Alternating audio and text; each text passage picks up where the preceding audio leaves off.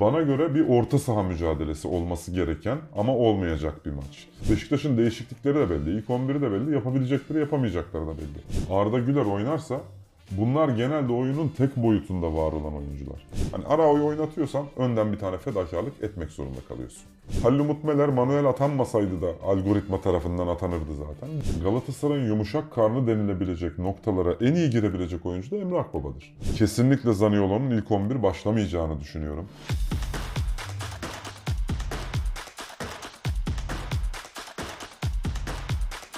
Gol var mı ekranlarına? Topsuz Oyun'un yeni bölümüne hoş geldiniz.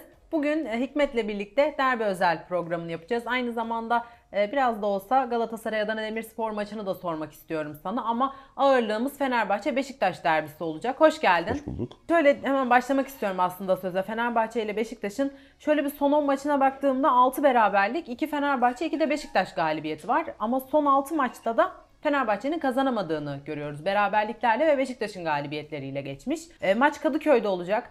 İlk başta şöyle senin bir maça dair beklentilerini merak ediyorum. Şimdi Fenerbahçe'nin o son süreçte kazanamama meselesi çok enteresandır. Fenerbahçe derbilerdeki e, performanslarıyla Biliriz. hep büyük maçları alıp küçük maçlarda tökezlemesiyle meşhurdur Fenerbahçe.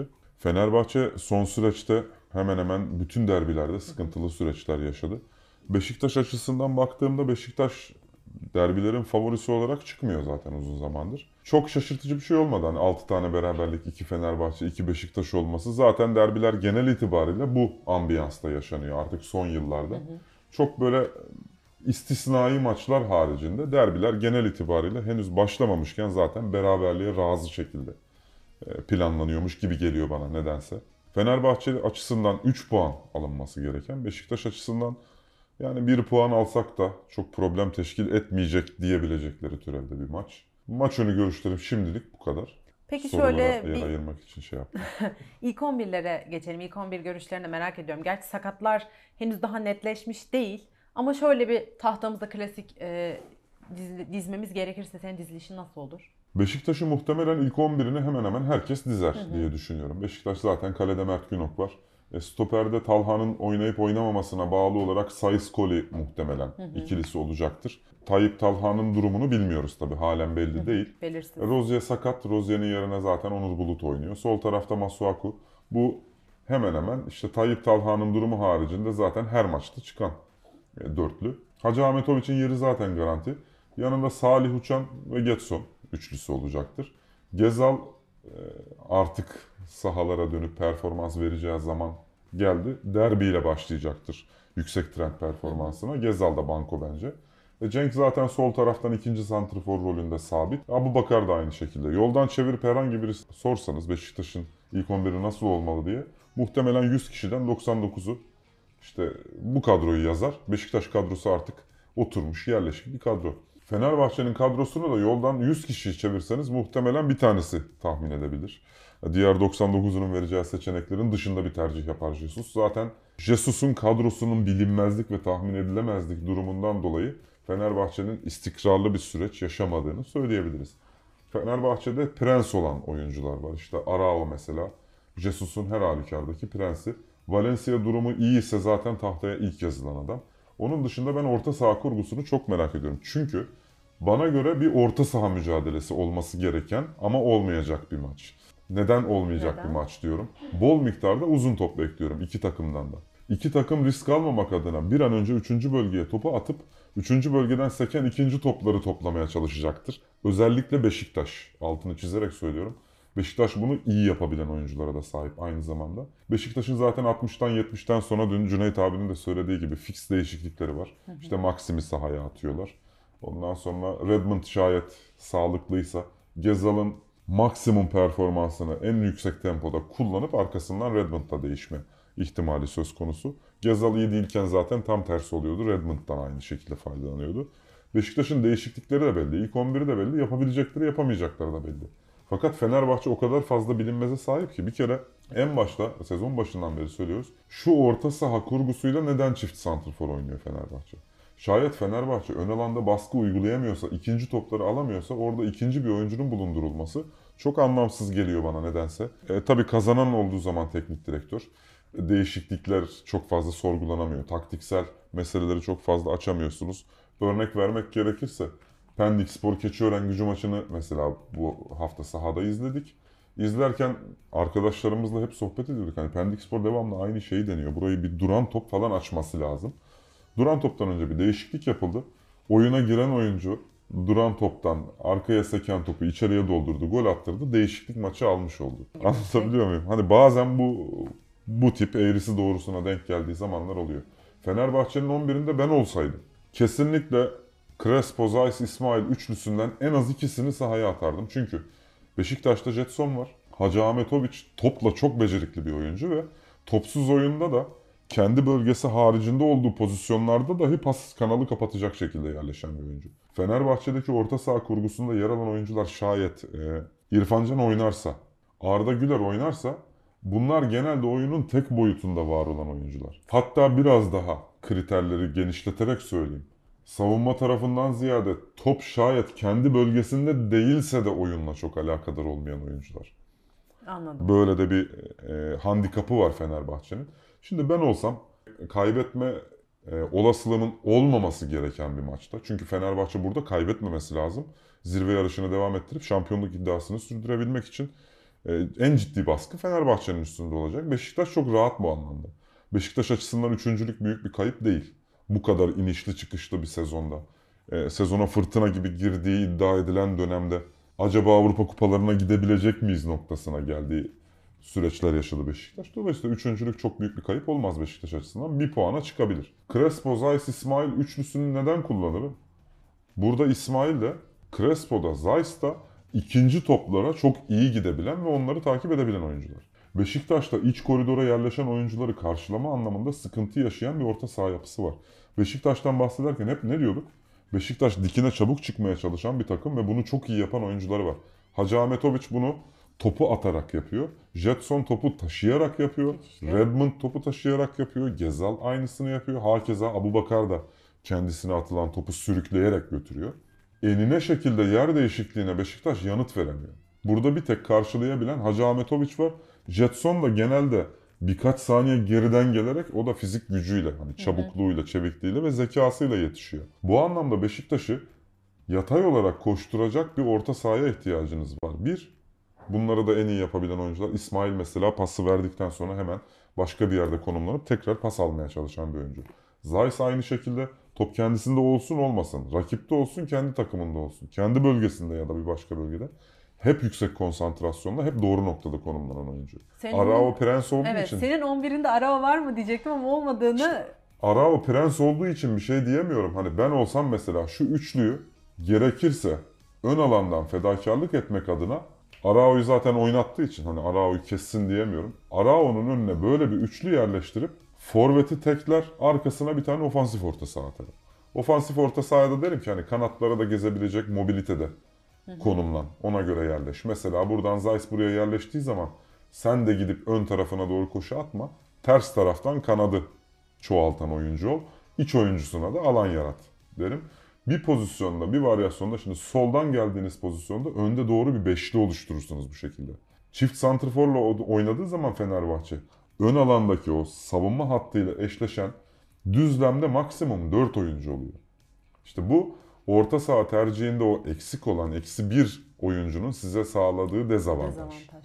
Bu yüzden e, Arao'nun bu kadar fazla yani Arao'nun oynamaması gerektiğini söylüyoruz ama Jesus çok da ondan yana değil. Genelde o eksiği göze alıyor Arao'yu oynatarak. Şimdi Arao'yu oynattığınız zaman arkada üçlü oynamanıza gerek kalmıyor. Çünkü bir ön stoperle oynuyorsunuz. Ben hep söylüyorum Arao kötü futbolcu demek değil. Ülkemizde bazı şeyleri izah etmeye çalıştığınız zaman aslında anlatmak istediğiniz şeylerden uzaklaşıyor mesela. Arao çok kötü bir futbolcu dünyanın hiçbir yerinde forma giyemez falan demiyoruz. Şayet dörtlü oynayan bir sistematik varsa bunu arada bir üçlüye döndürüyorsanız hem üçlüyü hem dörtlüyü oynayacak takımın defansif orta sahası Arao değil. Neden? Arao'nun konumlanma alanı belli. Fiziksel mücadeleye girdiği pozisyonlarda yani topla gelen rakibe karşı fiziksel mücadeleye girdiğinde Arao tek pozisyonda var. Ama Aldı aldı alamadığında arkası bomboş. Arao arkam boşalmasın diye geride konumlanan bir oyuncu. Her geride konumlandığı pozisyonda önde çiftli forveti var Fenerbahçe'nin. Burada da 3 tane Orta saha oyuncusu var. Genelde ikisini kanat tandanslı ya da oyun kurucu oyuncudan tercih ediyor. Şimdi burada böyle bir yapı oluşuyor. Şurada tek oyuncu oluyor. Arao'nun artık sol önüne doğru oynayan kimse Crespo diyelim. Crespo ön alanla Arao arasındaki bağlantıyı kurmak için şuraya yerleştiğinde Fenerbahçe'nin blok kıran pasları karşılama olasılığı %10'a düşüyor. Evet. Tek oyuncuyla 3 kişilik kurgulanmış varyasyonu karşılamak zorunda kalıyorsunuz. Niye? Çünkü Arao o yapacağı tek hamleyi en doğru zamanda en doğru yerde yapmaya çalıştığı için konfor alanına yerleşiyor. Oradan çıkmıyor. İleriyi de bir kişiye bırakmış Şimdi oluyor. üçlü oynuyorsunuz. Bu sefer üçlü tarafına geçelim. Üçlü oynadığınızda işte sol tarafta Zalai var. Merkezde Gustavo Henrique'yi tercih ettiğini düşünelim. Burada da Serdar olduğunu düşünelim. Üç oyuncunun üçü de oyun kurabilecek meziyetlere sahip değil. Serdar'ı buraya atıyor Fenerbahçe. Serdar'ı buraya attıktan sonra Gustavo Henrique'yi onun kademesine atıyor. Arao burada to- konumlanıyor. Zalai de sol kanat bekle. Aradaki bağlantıyı sağlamak adına şöyle bir V oluşturuyorlar burada. Arao Arao. kendi konfor bölgesinden çok Çıkıyor. uzaklaşmamış oluyor. Yani yine aynı şey burada da yaşanır. Yani üçlü de oynasan, dörtlü de oynasan Arao'nun e, orta sahadaki sayısal fazlalığı sağlama ihtimali yok. Hani Arao'yu oynatıyorsan önden bir tane fedakarlık etmek zorunda kalıyorsun. Ederek başlıyor Fenerbahçe. Jesus ön taraftan fedakarlık etmeyip aynı zamanda Arao ile oynayıp bir de üçlü yaptığı zaman Fenerbahçe ikinci topların hiçbirisini alamıyor. Bu da atak devamlılığı sağlamasının önündeki en temel engel. Ben sezon başından beri Jesus'u eleştirdiğim konular bir evet transfer tercihleri. Jesus'un istemediği oyuncular da var bu arada. Yani Jesus'a rağmen alınmış olan oyuncular da var Fenerbahçe'de. O konuda çok fazla detay vermek istemiyorum. Ee, ülkemizde son zamanlarda oluşmuş olan Galatasaray muhabiri, Fenerbahçe muhabiri, titrine sahip insanlar bunu yanıtlayabilirler. Onlar benim bildiğimden daha fazlasını biliyorlar. Ee, bir de aslında seninle hakemlerden çok konuşmuyoruz ama e, derbinin hakemi Halil Umut Meler oldu. Halil Umut Meler... Şaşırdık mı derbinin hakeminin Halil Umut Meler olmasına? Şaşırmadık çünkü 5 Kasım'dan beri oynanan tüm derbileri Halil Umut Meler yönetiyor. Ee, Bununla ilgili de e, ufak da olsa bir e, fikrini almak istiyorum. Şimdi burada bir algoritma olduğundan söz ediliyor. Algoritma dışı manuel atama yapılmış Halil Umut Meler. Algoritmaya gireceğiniz filtreler de aslında hani çok manuel şey yapmaya gerek yok. Algoritmaya gireceğiniz filtreler de istediğiniz adamı o maça atamayı sağlayabilir zaten şimdi. Şeyler var biliyorsunuz transfer uygulamaları var. E, istatistiksel uygulamalar var. Bunlar e, doğru kriterleri girdiğinizde sizin istediğiniz oyuncuyu çıkarmanızı sağlayabiliyor. Halil Umut Meler manuel atanmasaydı da algoritma tarafından atanırdı zaten. Derbinin hakemi Halil Umut Meler. Bu ne demek? Ülkede Halil Umut Meler haricinde başka derbi yönetebilecek hakem yok demek. Acı ama gerçek. Gerçek. Derbilerin haricindeki bütün başaltı maçların hepsine Ali Şansalan gidiyor. Ali Şansalan 6 haftanın 5'inde maç yönetti mesela. En son e, yayınlanan bir bildiri vardı galiba Merkez Hakem Komitesi'nin sitesinde. İşte artık hakemlerin önündeki işte şu haftadan şu haftaya maç yönetemez gibi bir kriter vardı. Onu ortadan kaldırıyoruz çünkü ligin son düzlüğüne girildik diye. Zaten öyle bir kriter yoktu. Hiçbir hiçbir zaman da uygulanmadı sezon başından beri. Ali Şansalan'ın yap, görev yaptığı maçlara bakın. Turgay Kaan Numanoğlu'nun görev yaptığı maçlara bakın. Bu arada benim hakemler içerisinde evet Halil Umut Meler e, idareyi maslahatçı diyeyim. Böyle birazcık yaşımızı ortaya çıkartacak bir tanım olsun. Halil Umut Meler tam bir idareyi maslahatçı. Hakem. Onu düşersek o zaten denge adamı. Turgay Kaan Numanoğlu bence Türkiye'deki en iyi hakemdir. Hataları var mıdır? Evet vardır. Zaten hepsinin var hataları. Ama mesela bu hata konusunda şey demiyorsunuz. Diğer hakemler, işte tek tek isimlerini telaffuz etmeye gerek yok. Mesela Mete Kalkavan, telaffuz etmeye gerek yok dedikten sonra isim Etmedik. telaffuz ettik ama Mete Kalkavan maç içerisinde kendisinin de vicdanen rahat etmediği yanlış bir karar verdiğinde oradan sonraki süreçte anlamsız bir denge oluşturma pozisyonuna geçiyor. Bu da aslında çorap söküğü gibi geliyor bütün pozisyonlarda. Şimdi bu bu işin doğasında hata var. İngiltere'de işte e, VAR kırmızı kart verdirttirdi. Sonra VAR dedi ki kırmızı kartı yanlış verdirttirdik. Bunun sarı olması lazım dedi. Bakın VAR izliyor. 9 tane farklı açıdan izleyerek yanlış karar veriyor. Olabilir. Ama sen maç içerisinde ben şurada hata yaptım. Bu rakibin işte bu takımın hakkını yedik. O zaman şunu da bari hoş görelim falan meselesine girdiğin İşin zaman içinden çıkamaz. işin içinden çıkılmaz hale geliyor. Maçlar 15 dakika uzuyor. 15 dakika içerisinde 10 dakikada zaman kaybediyorsun. 110 dakika boyunca bir kör dövüşüne sebebiyet veriyorsun. Hakem bu noktada çok önemli. Şimdi Halil Umut Meler çok şaşırtıcı olmayan bir şekilde derbiye atandı. Ben farklı hakemler görmek isterdim derbilerde. Fakat şimdi şöyle bir durum var. Hallumut Meler atanmasaydı denecekti ki şimdiye kadar olan bütün derbilere Hall- Hallumut Meler atanmış. Bunu niye? Ne oldu da şimdi kim düğmeye bastı da Hallumut Meler derbiden alıkonuldu denecek. E, Hallumut Meler'i atadığınız zaman biz diyoruz ki burada 5 Kasım'dan beri bütün derbileri Hallumut Meler yönetiyor. Yani bu Merkez Hakem Komitesi'nin güvene sahip olmadığını, hakemlerini de bu noktada derbide görevlendirecek kadar arkasında durmadığını gösterir bana göre. İtiraz edebileceğimiz bir nokta var mı? İtiraz edeceğimiz nokta şurası var. Hangi hakemlerin önünü açıp arkasında durduğunuzda Hallumut Meler'den başka hakem yok derbi yönetecek diyebilirim ben. Her zaman her yerde de söylüyorum. Hakemler kendi tempoları yetersiz olduğu için takımları kendi tempolarına göre uydurmaya çalışıp Maçı oyunun akışını bozuyorlar. Zaten oyunun akışını bozduktan sonra mesela hakem inisiyatifine kalıyor. Hakem de ne şiş yansın ne kebap şeklinde ilerlerken şayet hata yapmazsa derbiyi yönetmiş oluyor. Peki. Derbinin ardından bir de sana ufak da olsa Galatasaray Adana Demirspor maçını sormak istiyorum. Çünkü haftanın e, iki kritik maçı e, sıralamayı ciddi şekilde etkileyecek. Hani e, ola ki Galatasaray'ın bir puan kaybı Fenerbahçe'nin 3 puanı alma halinde zirvede tekrardan bir hareketlilik yaşanabilir. Galatasaray adına da şunları sormak istiyorum. Karabağ maçında etkisiz bir oyun vardı ve çok da pozisyon verdi Sarı Kırmızılılar. Evet. Adana karşısında benzer senaryo olursa cezalandırılabilecek bir oyunu var e, Adana Demirspor'un da. Bu maça dair görüşlerin neler, beklentilerin neler? Şimdi Galatasaray'ın orta sahasını en sıkı tutması gereken ve sekenleri toplaması gereken Maç maçlardan bir tanesi bence Adana Demirspor. Hani diğer maçlar için bunu söyledik mi? Yok. Galatasaray şunu yapmalı, bunu yapmalı dedik ama bu noktada Galatasaray'ın bir atak sonlandırmayı kesinlikle özel olarak çalışması ve e, bunun üstüne odaklanması gerekir. Sonlandıramadığınız her atakta rakip takımda elinde Ndiaye gibi bir oyuncu var. Ndiaye topla 30 metre civarında patlamalı sprintle alan kat edebilen bir oyuncu ve bunu maç içerisinde bir iki sefer değil yani aldığı bütün toplarda bunu yapıyor. Ndiaye'yi mesela ben transfer edip direkt takımın bank oyuncusu yapar mıyım? İşte görev yapacağım takıma bağlı ama şu takımda şayet elinde Ndiaye varsa bunu inanılmaz bir silah olarak kullanabiliyorsun. Galatasaray'ın Ndiaye'nin bu driplinglerine karşı yanıt verebilecek şekilde sahada yer alıyor olması lazım en başta. Çünkü Adana Demirspor'un sistematiği nedir? Stoper tandemi çok sıkıntılı Adana Demirspor'un. E, Mert Çetin tek hamleli müdahalelerde Avrupa çapında bir stoper. Bileşik hareket gerektiğinde birincilik stoperi gibi.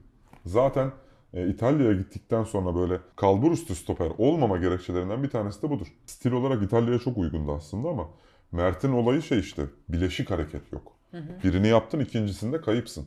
Yanında oynayan Semih inanılmaz mesafe kat etti. Semih sezonun başında e, ortalama bir birincilik takımının stoperi seviyesindeydi. Muazzam seviye kat etti ve normal şartlar altında çok da iyi beceremediği toplu oynama özelliğini de geliştirdi. Yanında oynayan Rodriguez'le arasındaki bağlantı güzel. Rodriguez'in sık sık kademesine yerleşiyor. Fakat Semih'in yaptığı kademe olayını Mert Çetin Semih'e yapamıyor. Kısacası iki takım da oyunun oynanma tarafında artıları yüksek seviyede olan, karşılama tarafında sıkıntı yaşayan takımlar. Galatasaray bu maçta topla oynaması gereken taraf olmamalı bence. Ee, Galatasaray karşılama takımı olmalı. Bu küçümsenecek bir şey değil. Borussia Dortmund karşılama takımı olarak Şampiyonlar Ligi'nde final oynadı. Adana Demirspor yine altılı kurgusuyla mı çıkar diye düşündüğümde bence ön tarafa Şerif Endiaye'yi mutlaka atarlar. Çünkü Belhanda Yok. e, kırmızı kart cezalısı. Belhanda'nın yokluğunda ön alanda e, duvar istasyon olabilecek eksi bir oyuncuya sahip olmuş oluyor Montella. Bunu da Şerif Endiaye ile bu boşluğu kapatır diye düşünüyorum. Dün Serdar abi ile Cüneyt abi konuşuyorlardı. Emre Akbaba'nın işte mevki durumu, mevkisizliği ile alakalı. Ben Emre Akbaba için her zaman söylüyorum. Mevkisiz bir oyuncudur. Takımımda yer alsa kendisine alan açmakta çok zorlanacağım bir oyuncudur ama Galatasaray'ın yumuşak karnı denilebilecek noktalara en iyi girebilecek oyuncu da Emre Akbaba'dır. Belhanda olmadığı için onu söylüyorum bu arada. Şimdi Galatasaray'ın ikinci ve üçüncü bölge koordinasyonunu çok doğru yapması gereken ve şu dönemde aslında karşılaşılması çok makul olmayacak bir takım. Adana Demirspor. İkinci, üçüncü bölge kurgusunda da e, detay verelim. Hani böyle yuvarlak söyleyip geçmiş gibi oluyoruz. Tambuli'yi karşılama pozisyonuna itmesi lazım Galatasaray'ın. Bir. Semih'i Rodriguez'in arkasını süpürmeye zorlaması lazım. İki. Mert Çetin'i yerinden hareket ettirip gerekirse yüzünü kaleye döndürmesi lazım. Üç. Bunları nasıl yaparsınız?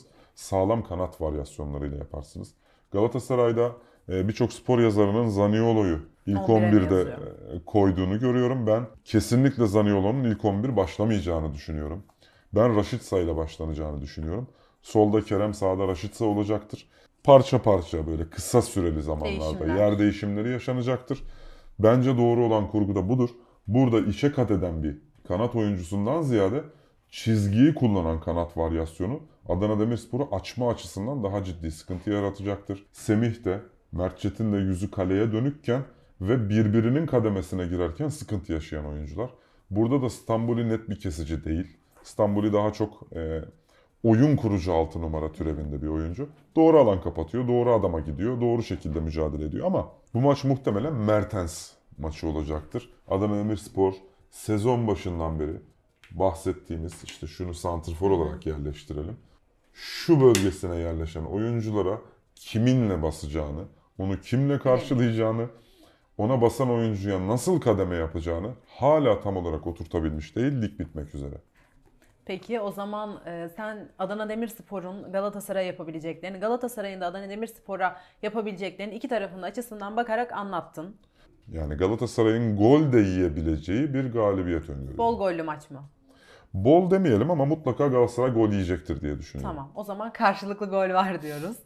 Ee, teşekkür ederim. Benim e, sana bugün sormak istediklerim bu kadardı. Ee, ama derbi ile ilgili de bir skor tahminini almak isterim açıkçası.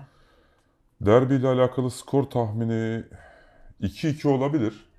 Neden 2-2 olabilir? Ben Beşiktaş'ın buradan puansız ayrılmayacağını düşünüyorum. Jesus almak zorunda olduğu maçlarda ikinci plan konusunda sıkıntı yaşayan bir teknik adam. Şenol Güneş de almak zorunda olduğu maçlarda sıkıntı yaşayan bir teknik adam ama e, favori baskısı olmadan çıktığında Beşiktaş rahat gol bulabilen bir takım. Ee, yavaş yavaş kapatalım istersen. Birkaç tane böyle ufak ufak not geçeyim. Peki. Arkadaşlarımız izlerken Peki. karşılaşacağı şeyler. Beşiktaş'ın sağ bek kademesini özel olarak dikkat etsinler. Sağ stoper sağ bek pozisyonunda tersten atılan toplarda sıkıntı yaşıyorlar. Beşiktaş bunu yaşayacaktır. Ee, Fenerbahçe de Hacı Ahmetoviç'in kademesine girecek oyuncuları takip ederse şayet skor almakta zorlanmaz. Onur ve Masuaku ikinci bölgede artı 2 olmayı sağlıyor. Fakat aynı zamanda geriye dönüşlerde ciddi sıkıntı yaşıyorlar. Başında söylediğimizi sonda bağlayalım. Aslında ikinci bölge mücadelesi olarak geçmesi muhtemel bol uzun toplu her iki takımın da üçüncü bölgeye yığılmaya çalıştığı hareketli fakat oyun kalitesi açısından sınırlı bir maç izleyeceğiz. Peki teşekkür ederim. Önümüzdeki hafta Topsuz Oyun'un yeni bölümünde görüşmek üzere.